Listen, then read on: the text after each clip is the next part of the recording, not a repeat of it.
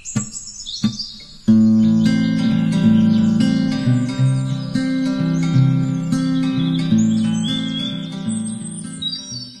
og velkommen til Hagepodden med Vibeke og Anders. Hei, hei. Anders, i dag skal vi snakke om drivhus.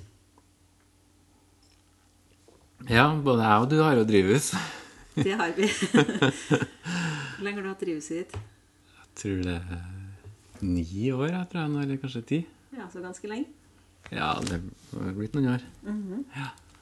Jeg har et drivhus som står på en sånn teglsteinsmur, og så er det i sedertre. Så det er et sånt engelsk drivhus da, fra Gabriel Ash. Ja, Så det er veldig... veldig- fint drivhus. Ja, veldig Porsche og dyrt drivhus. men du trenger ikke å ha sånne dyre drivhus, men jeg vil anbefale å, å, å passe på litt med kvaliteten når du kjøper drivhus. da. For at eh, jeg er jo med i hagelaget, og hører jo litt andre folk når de kjøper drivhus, at eh, jeg trenger ikke å være et sånt eh, dyrt et i sedertre, men eh, det er mange som kommer med sånn stormkast, og så blåser platene ut, og de har liksom har en presshemning over det om vinteren med stropper rundt det og sånn, for å unngå at det blåser. Ja, det fort kjedelig. Du sover jo litt dårligere når Eller i hvert fall jeg sover litt dårligere med drivhuset enn uten. Bekymrer meg litt når det blåser, men det står jo veldig godt. Ja, da har jo hatt noen år, du nå. Mhm, fire. Ja. Fire år. Og dette drivhuset er jo et drivhus som koster litt, sånn at det, det står stødig. Mm.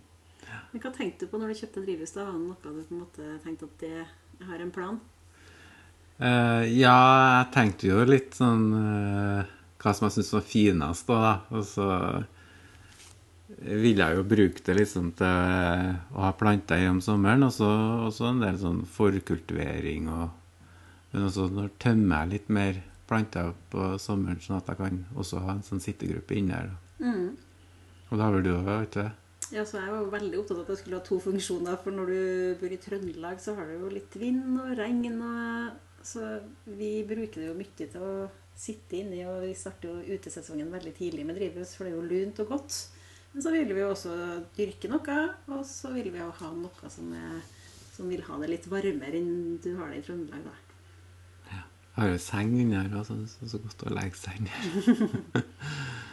Men hva tenker du om størrelse på et drivhus? Hva skal folk tenke da? Ja, de fleste sier jo at du må ha størst mulig drivhus. Altså at du må gå opp en størrelse større enn hva du tror. Og det tror jeg nå er et godt råd, derfor for det blir jo fort trangt, da. Vi Så- starta jo med et lite hjemmesnekra, og da sa jo naboen til meg det der blir for lite i løpet av veldig kort tid, og det fikk jeg jo rett i. Ja, og det er jo et stappfullt eh, drivhuset mitt om våren, da. Men eh, jeg vet ikke, hvis jeg hadde 100 kvadrat, så hadde det sikkert blitt fullt, det òg.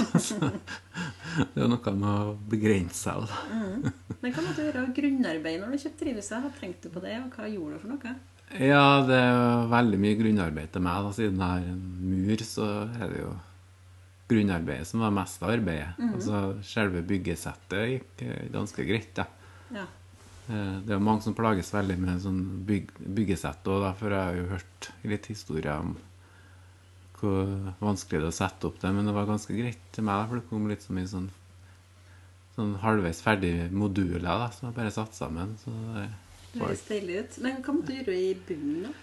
Ja, jeg måtte jo grave opp, og så måtte jo pukke og grus, og så isolasjon rundt muren og under muren òg, da. Og så er det en ringmur jeg har. Jeg har ikke støpt uh, Gulvet er ikke støpt, det ligger i, i grus, og så har jeg sånn marktegl. Ja. For jeg hadde ikke lyst til å så støype betonggulv, for at jeg vil ha muligheten til å kunne ta opp noen steiner, så plante og grave opp, og så plante hvis jeg vil det. For jeg har jo planta et uh, ferskentre i drivhuset, og en drue og en blåregn. Ja. Eh, Men jeg har ikke varm, varme på om vinteren. da. Ikke Jeg starter liksom på i mars, når jeg begynner å flytte eh, og så og styre og sånn. Da setter jeg på varme. Så det ferskentreet, selv om det er 20 minus ute, det klarer seg godt inni drivhuset. For det er jo et lukka miljø, så du har jo ikke den vinden, ikke sant? så da blir det jo mye lunere med en gang. Ja. Vi har jo et fikentre i drivhuset, det var jo inn- inni der. Uten å varme på. Ja. Men eh, da når du har gjort grunnarbeidet og satt opp drivhuset, så er det noe annet sånn i forhold til strøm og vann og sånn? Hva har du tenkt om det? Jeg har jo lagt inn eh, vann og, og strøm, da. Ja. Så det er jo en fordel hvis du skal begynne opp tidlig, da. For du må jo ha en, eh, en ovn som frostvakt som styrer på passer på at det ikke blir frost om natta. Mm. For det blir jo fort veldig varmt om dagen når sola kommer, men eh, det, varmen forsvinner fort. Den forsvinner veldig fort. Ja, og når jeg har en sånn teglsteinsmur og, og marktegl i gulvet, da, så magenserer den jo litt varme. Da, så den eh, holder kanskje litt mer hvis, hvis ikke jeg hadde så mye stein inni der. Ja. Men det blir jo nesten like kaldt i drivhuset som det er ute. Ja, det blir det. Det forsvinner fort. Og jeg har jo glass òg, og det, det holder jo ikke så veldig mye på varmen. Men de som har eh, plastikk, de eh, Sånne kanaler som er ganske tjukke, med luft inni, så det isolerer jo litt mer på varmen. da. Så når det kommer til varme, så kan plastikk være bedre enn glass. Ja. Ja. Er det noen negative ting med plast, da? ja, det er jo litt sånn eh, Noen liker plast, og noen liker glass, og det er litt sånn stridighet. Eller ikke stridighet, men det er sånn fordeler og bakdeler med begge deler. Da. Så det er jo bare å finne ut hva du liker sjøl òg, da. Det er jo som jeg sa med det Plastikken den isolerer jo bedre for eh, varmetap, og så skygger den jo litt. Den er jo ikke like klar som glass, sånn at du uh, slipper å skygge drivhuset, da. Men det gjorde jeg bare første par årene, og så etter det så har jeg bare kutta at Nå skygger ikke jeg driver tatt i drivhuset mitt sjøl. Og det går bra for det, da. Jeg merker at plantene, når jeg tar dem opp fra kjelleren og skal sette dem inn i drivhuset, så blir de svidd, bladene, ja, men da har de jo så lite blad likevel, så de får jo nye med en gang. Og de tåler litt mer. Ja, og så har jeg jo eh, ferskentre og druer som er oppi taket, ikke sant. Når det får blader, så blir jo en litt sånn naturlig skygging. Mm. Det ordner, ordner seg sjøl, rett og slett. Ja, og så er, er det litt lettere å vaske og glass syns jeg enn plastikk, da. Ja. Og en del som har hatt problemer med sånne kanaler, sånne plastikkanaler, at det kan bli sånn mosegrodd og sånn inni kanalene. Derfor må de tettes, sånn at det passer på at det ikke kommer fuktighet inni. For det er jo det med drivhuset er ganske fuktig inne i perioder. Det er jo et fuktig miljø. Det er jo godt for plantene, men eh, det er også sånn eh, når du har tremøbler, eller hvis du skal ha sånn rotningmøbler eller noe sånt, eh, så Tåler tør det ikke så mye. Og så eh, puter og tøy og sånn. Det blir jo solbleka på en, to, tre inni her. Og Ja. I løpet av en sesong så er det solbleka. Men hvis du tenker på hvordan, hvor et drivhus bør plasseres, da, hvor bør det stå hen? Altså eh, Man bør jo ha et solrik plass, men samtidig så er det ikke akkurat eh, kjempenødvendig at det står mest solrik heller. Det er jo litt lettere å dyrke ting når du får eh, mye sol, da, men samtidig så kan det bli litt sånn overvarmt inni der òg når det jeg står midt i sola. Så. Men jeg tror det er viktig å ha en ganske solrik plass. Det Så det skal ikke så veldig mange solstrålene til før det blir veldig varmt i et drivhus. Nei, det skal i ikke. mars, så blir det, kan det jo fort bli 25 grader inne her når sola står på. Ja, så er det også litt viktig med luftinga, da, at du har automatiske luftere i taket og sånn, og at du passer på å lufte. Da er det sånn arbeid med drivhus, da, det er det jo. Jeg åpner det i hvert fall om morgenen før jeg går på arbeid, hvis det ser ut som det blir en veldig bra dag, da, sånn at det ikke koker inne her. Ja, det gjør jeg òg. Så har jeg en sånn uh, wifi-temperaturmåler på mobilen min, da, sånn app som jeg kan se temperaturen inni her. Da ser jeg jo at det kan jo fort bli 30 grader hvis ikke Mm. Sjøl om jeg har automatiske åpnere, da. Ja. Så Men du har jo varme i drivhuset ditt, og jeg har jo foreløpig må jeg jo si, valgt å ikke ha det. Det er sånn at Du kan jo begynne mye tidligere enn meg i drivhuset. ja, det er jeg glad for at jeg har en ovn. Det er en sånn 2000 watt-ovn, da. Mm. Så det kost, bruker jo litt penger på det, men jeg syns det er verdt det. Ja. For jeg må jo begynne litt seinere, og da må jo faren egentlig for nattefrost være mer eller mindre i hvert fall over før jeg kan ha noe uti der, da. Med unntak av hjertesalat, erteblomster, dill har han der nå, og spinat tåler litt grann, noen kuldegrader i hvert fall, når de får, når de får starte i drivhuset. Ja. Mm. Men øh, hva tenker, for, du, for du har òg innlagt vann i drivhuset, har du det? ja. Hva er fordelen med det? Nei, ja, det er jo alle vanninger, da. Som er, og du kan jo sette på sånn automatisk vannesystem. Og, eh, så det er en uh, Og spesielt med spinnmid spinnmidd, som kan bli et problem inni drivhuset. For det er jo sånn tørt miljø. Og sånn, det har jeg hatt på ferskentre og på druer og litt forskjellig. Og det er jo noe svineri. Det er et skadedyr. Ja. Ja. Hva slags skade gjør det? Ja, det suger jo eh, eh, plantesaft fra bladene og på skuddene. Og du ser det liksom på bladene blir nesten sånn eh, gulaktig, sånn prikkaktig. Så, de er veldig små, de spinnvidene, så du ser jo ikke dem så godt, da. Men når, det, når du ser dem, at det mye av det, så er det nesten kommet for langt, angrepet. Så det er jo litt sånn i forkant, ja. Men er det- noe som dør av det, eller er det sånn at de bare blir litt eh, skadeskutt? Ja, de kan bli skikkelig angrepet at det ikke blir noe bra. Mm. Og da er jo, Hvis du har en plante i potte, så kan du bare sette dem ut. Da, for det er en vind og vær ut, og det liker ikke de så godt spinnbinden. Å, så den tåler ikke, tåler ikke vær? Nei, de er glad i sånn drivhusmiljø. For jeg har jo ikke hatt noen skadedyr i drivhuset ennå, det er så jeg tror jo at det er skadefritt i drivhuset. Nei, det, det er bare flaks, tror jeg. Jeg får meg sikkert en overraskelse etter hvert. Nei, ja, Du blir sånn biolog av drivhuset, altså. Jeg har uh, prøvd masse ting. Og sånn nyttedyr jeg har på kjøpt også, da, for å det blir jo veldig sånn oppblomstring av lus og sånn når du har et sånt drivhus der med så god varme. Og, Ja, så så jeg har fortsatt jeg har hatt litt flaks, rett og slett. ja, Men, kan det være for at jeg ikke har varme på i drivhuset? det kan det være. For jeg har at, ikke mye nyttig som det er drivhuset, fordi at jeg bruker jo mye av plassen på å ha noen eh, sittemøbler. det er jo sånn at når lusa er over 20 grader, vet du, så kan den formere seg mange ganger mer enn når det er 10 grader. og Ja. sånn. Så temperatur har jo mye å si. Ja. Mm. Så er jo ikke noe, har ikke de skadedyr inni et drivhus det er sånt lukka. For jeg merker at hvis jeg har noen sånne lusplanter, når jeg setter dem ut, så går det liksom mer over av seg sjøl. Mm. Og da syns jeg det er veldig greit med at jeg har innlagt vann, for da kan jeg jo spyle inni drivhuset. Så, jeg, så dusjer jeg plantene og spyler med kaldvann der det er lus og sånn, og så kan jeg ha- sette på sånn Så har jeg også en sånn på vannslangen min, og så har jeg en sånn eh, såpedispenser ja. som jeg kan fylle på med å ha gjødsel i hvis jeg vil gjødsle plantene. Og så har jeg også kan jeg fylle på med grønnsåpe og litt Zalo og nemoolje og sånne ting. Så kan jeg dusje dem for å forebygge Det høres smart ut, da. Ja. Så man passer på å ikke dusje når det er sol, da, men liksom kvelden eller oversida av dag, eller Ja. så ikke de brennes bladverket, da. Men eh, da syns jeg det er veldig greit med den eh, dusjinga, da. Mm.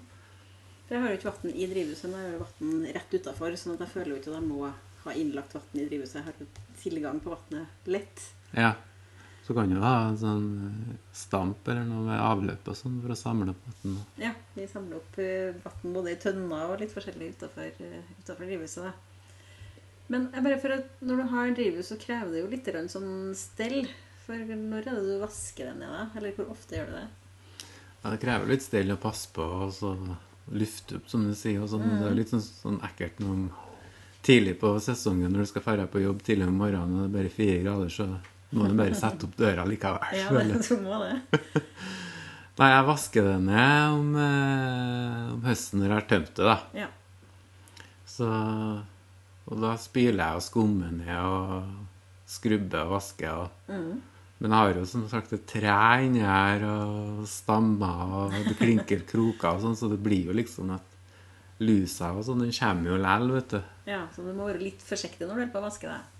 Ja, nei, altså, det, du får ikke Det er helt sterilt selv om du vasker, liksom, så skadedyrene vil jo komme tilbake igjen neste Ja. sesong. Så det var liksom være litt sånn for, forebyggende, og så passe på litt før det blir eh, blir for stort, da. Mm.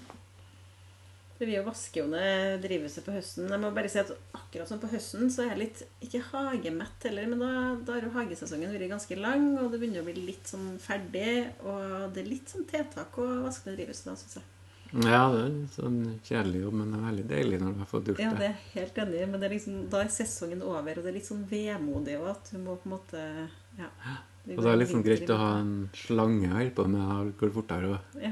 Jeg blir jo sånn søkkbløt når jeg står inni her. ja, vi Altså Det blir vi jo. Og så sluk, da, som kan være en fordel å ha da, hvis det, det blir mye vann. Og... Ja, det er sant. Men det, det er klart, vi har jo gjort sånn som det. Har jo masse pukk og sand og alt sånn under, og da forsvinner vannet ganske Ja, det gjør det. egentlig. Det er jo ikke noe som heller igjen vannet under her. Og så er det en del som liker å ha sånn eh, dyrkningskar og sånn innen drivhuset. da. det er sånn som skal dø tomater og Mhm. Da er vel tomat og agurk drives du Ja. Jeg er jo dårlig på tomater, rett og slett. Men du har det i potte, du, eller? Men det har, dyrk- dyrker du noe i jorda, med unntak av de trærne du har? Nei, Nei, jeg gjør ikke det. Mm. Det er noen fordeler med å ha tilgang på jord under det, men samtidig så det er jo noe med, i hvert fall sånn som vi har gjort grunnarbeidet, så er jo alt gravd ut. Og det er lagt pukk, sånn at vi har jo på en måte ikke tilgang på jord sånn, sånn umiddelbart. Da må vi jo tilføre jord i så fall. Da. Hvis du har et enklere drivhus, så kan du jo ha sånn bare jordspyd, og at det ikke er sånn Mm. støpt fast på Da står det jo bare rett på jorda, men For det Ulempen med krukkene i drivhuset synes jeg at de blir jo veldig fort, eh, det blir veldig fort tørt. da. ja. Du må jo vatne utrolig mye for å holde det der ved like. Og så er jo vatning, Vi har jo sånn automatisk vatning når vi drar på ferie eksempel, inne her. Og da har vi funnet ut at det er en fordel å gjøre et lite stykke arbeid først. Sånn i forhold til å finne ut hvor mye vann kommer hvis du har det på 30 minutter to ganger om dagen. For det kommer litt mer enn du tror. Sånn at vi har jo på en måte mer eller mindre drukna noen tomater pga. Uh, litt sånn overvatning når vi har vært på ferie. Må prøvekjøre Du må prøvekjøre systemet. Men det er liksom så forskjellig, for du vet jo ikke hvordan været. For at Nei, du eh, regner det, så blir det bare fuktig inni her. Da trenger ikke noe vann. Og så neste dag så er sola, så er det 30 grader, og alt tørker opp med en gang. Så Så hvis du har en pålitelig nabo, så er nesten det et bedre tips. Da, men da må du ha noen som er interessert i å sprenge og vatne litt. Da. Så jeg har en sånn sukkulentsamling og inni drivhuset Mhm. om sommeren da, når jeg har flytta ut alt i hagen. Så har jeg Og den klarer jo seg. Ja, de trenger ikke noe vann, rett og slett. Nei, jeg må jo ha vann hvis jeg skal trives og sånne ting. Men eh, jeg klarer, klarer seg dager uten at du passer på dem. da. Men ikke i samme mengden som tomater, f.eks. De Nei, nei, nei, veldig mye vann, da. Men det blir veldig fin, fint med kaktuser i drivhus, da, for eh, Det er noe med at du får den variasjonen i temperaturen som du ikke får i stua. Ja. Så at de setter blomsterknopper i løpet av sesongen i drivhuset. det, ja. Så artig. Og det gjør de ikke når de står inne i stua. Men da bør jeg kanskje prøve med en kaktus ute i drivhuset. Jeg har liksom tenkt at kaktus og drivhus Ja, men det, det kan jeg jo prøve. For de tøler jo godt kalde, vet du, fordi der det, der det vokser naturlig ørken, så blir det veldig kaldt her òg om Ja. natta. Men de tåler ikke frost, eller? Noen eh, kaktuser kan tåle frost. Ja. Jeg har en eh, som står ute på friland året rundt. Har du? Ja. Jøss. Men, Men det, den står bare i grus, da. Så den, det er vinterfukten som den ikke tåler. ja, så den må ha det tørt. Ja. Mm. Høres veldig spennende ut. ja. Litt sånn avsporing fra drivhuset. Ja, vi spora skikkelig av, rett og slett.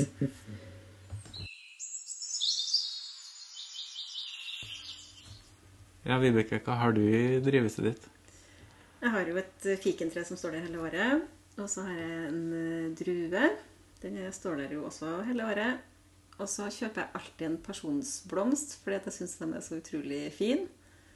Eh, og så har jeg tomater, agurk, epleagurk. Det er det som er fint når du kan dyrke fram ting fra frø, at du kan jo kjøpe ting som du ikke nødvendigvis har kjøpt på butikken. Og så har jeg jo fortsatt eh, noe som står i drivhuset som skal ut i hagen etter hvert. da. Hjertesalat og litt forskjellige grønnsaker og sommerblomster. Hva har du i med? Jeg regner med at ditt er litt fullere enn mitt. Jeg tror jeg skal begynne å nevne alt jeg har i drivhuset. Jeg har allerede nevnt at jeg har drueplanter og fersken og og eh, blåregn. Eh, Fersken vil jeg vel skikkelig anbefale, for den er jo så koselig om våren når det blomstrer. For det er blomstrer jo på bar, bar greiner. Mm. Og så har jeg en del sånne sommerblomster og kaktuser, jeg òg. Og så har jeg I år så har jeg tomater i ampel. Så jeg har sådd en sånn Tiny Tim, en sånn liten tomat som eh, ikke trenger å binde opp og ta av skyver av. Så har jeg liksom bare hengt dem i taket for å spare litt plass, for de tar jo litt plass, de tomatene. Ja, de gjør det. Men jeg har et spørsmål i forhold til den, det ferskentreet ditt. For du må jo holde på litt med det for at det skal bli frukt på det, må ikke det? Jeg må pollinere det, da. Ja. Når det, for det er ikke noe bier her i drivhuset. Så det er jo litt artig når du står med penselen din og Ja, og det, det var et år jeg ikke gjorde det, og da fikk jeg ikke noe. Nei, hvor mye, mye frukt får du på det? Jeg får ganske mye. Ja. Så det varierer litt, men eh, det blir ganske mye. Det blir liksom Ja, det blir mer enn eh, 30. Ja. Det blir Ja. 50, kanskje. Ja. Men det er avhengig av altså, jobben du har gjort med den Ja. penselen på forhånd. ja. Vi har jo sagt at vi kan ta imot spørsmål, og vi får jo noen spørsmål. Og det ene spørsmålet har omhandla lus. Hvordan eh, håndterer du lus i hagen din? Ja, ut så ser jeg litt sånn stort på det, så jeg tenker at det, det gjør ikke så mye skade, da. Så det er mer liksom inni drivet så når jeg har planta den inn i kjelleren til overvintring, at jeg prøver å bekjempe det, da. Ute i hagen så ja, Det kommer jo liksom hvert år litt sånn lus på rosene og knoppene der, og og da kan jeg spyle med kaldt vann i hageslangen, eller tar jeg bare fingrene og knuser dem på knoppene. da. Så kan det være litt sånn På en hyll som jeg har det, en sånn Black Beauty, en sånn mørkbladig hyll, og så har jeg vanlig hyll. Og dem kan jeg, Skuddene der og kan jeg være litt lus på, og da tar jeg bare og klipper av de skuddene med, hvis det sånn, samler seg veldig mye i skuddene. da. Ja, Så da fjerner du det, rett og slett? Ja, og det kan være svart lus, og det finnes jo både svart og grønn lus. Så. Og, eller jeg spyler dem, men jeg kan godt bare fjerne dem. Og det er litt sånn med gjødslinga. Hvis du gjødsler eh, veldig mye så at det blir veldig lange skudd, så er man litt mer mottakelig for, for lus og da, en del busker i hvert fall. Da trives lusa litt bedre. Ja, er litt lettere for dem å suge, da, for de liker jo mest å suge på nye skudd. Så hvis Ja. de har sånne lange, tynne skudd som har eh, sånne tynne cellevegger, så er det lett for dem å stikke snabben sin inn i celle, gjennom celleveggen. Men i, i det spørsmålet vi fikk, så sto det at eh, bladene på en måte krøller seg sammen. Er det litt sånn typisk for lus? Ja, det er litt sånn typisk for at de krøller seg. Det kan også være andre skadedyr de krøller seg rundt, og sånn larver og litt forskjellig. da. Så, eh, ja. Og trips finnes det også, men det er som regel på blomsterknopper blomstene. I skuddene og sånn. det også. Ja, men du bruker det sånn type grønnsåpevann eller hvitløksavkok eller Det finnes jo veldig mange sånne type tips på nettet. Ja, det bruker jeg inne i drivhuset, men ikke ute i hagen. Nei. Nei. Men du, hva kjemper du liksom med? Altså, på akkurat samme måten som deg har vært litt sånn avslappa forhold til det. Vi har ikke så veldig mye lus i hagen, men vi har det jo innimellom på en rosehagetorn og på rosa. eh, Og innimellom på en annen staude òg, men veldig, veldig sjelden. Og vi bruker hageslangen i all hovedsak, og så har jeg bare mose dem jeg ser. Men de forsvinner jo fort med kaldvann. Jeg kan ikke være prippen når den er på hagen. Nei, overhodet ikke. Men vi tar jo gjerne imot flere spørsmål òg. ja. Og eh, de kan jo stilles på Instagram-kontoene våre, som er Anders Ebbesen eller Fire i Kiellandsgata. Og så har vi en Facebook-side som heter Hagepodden, og der går det også an å stille spørsmål. Vi lyttes.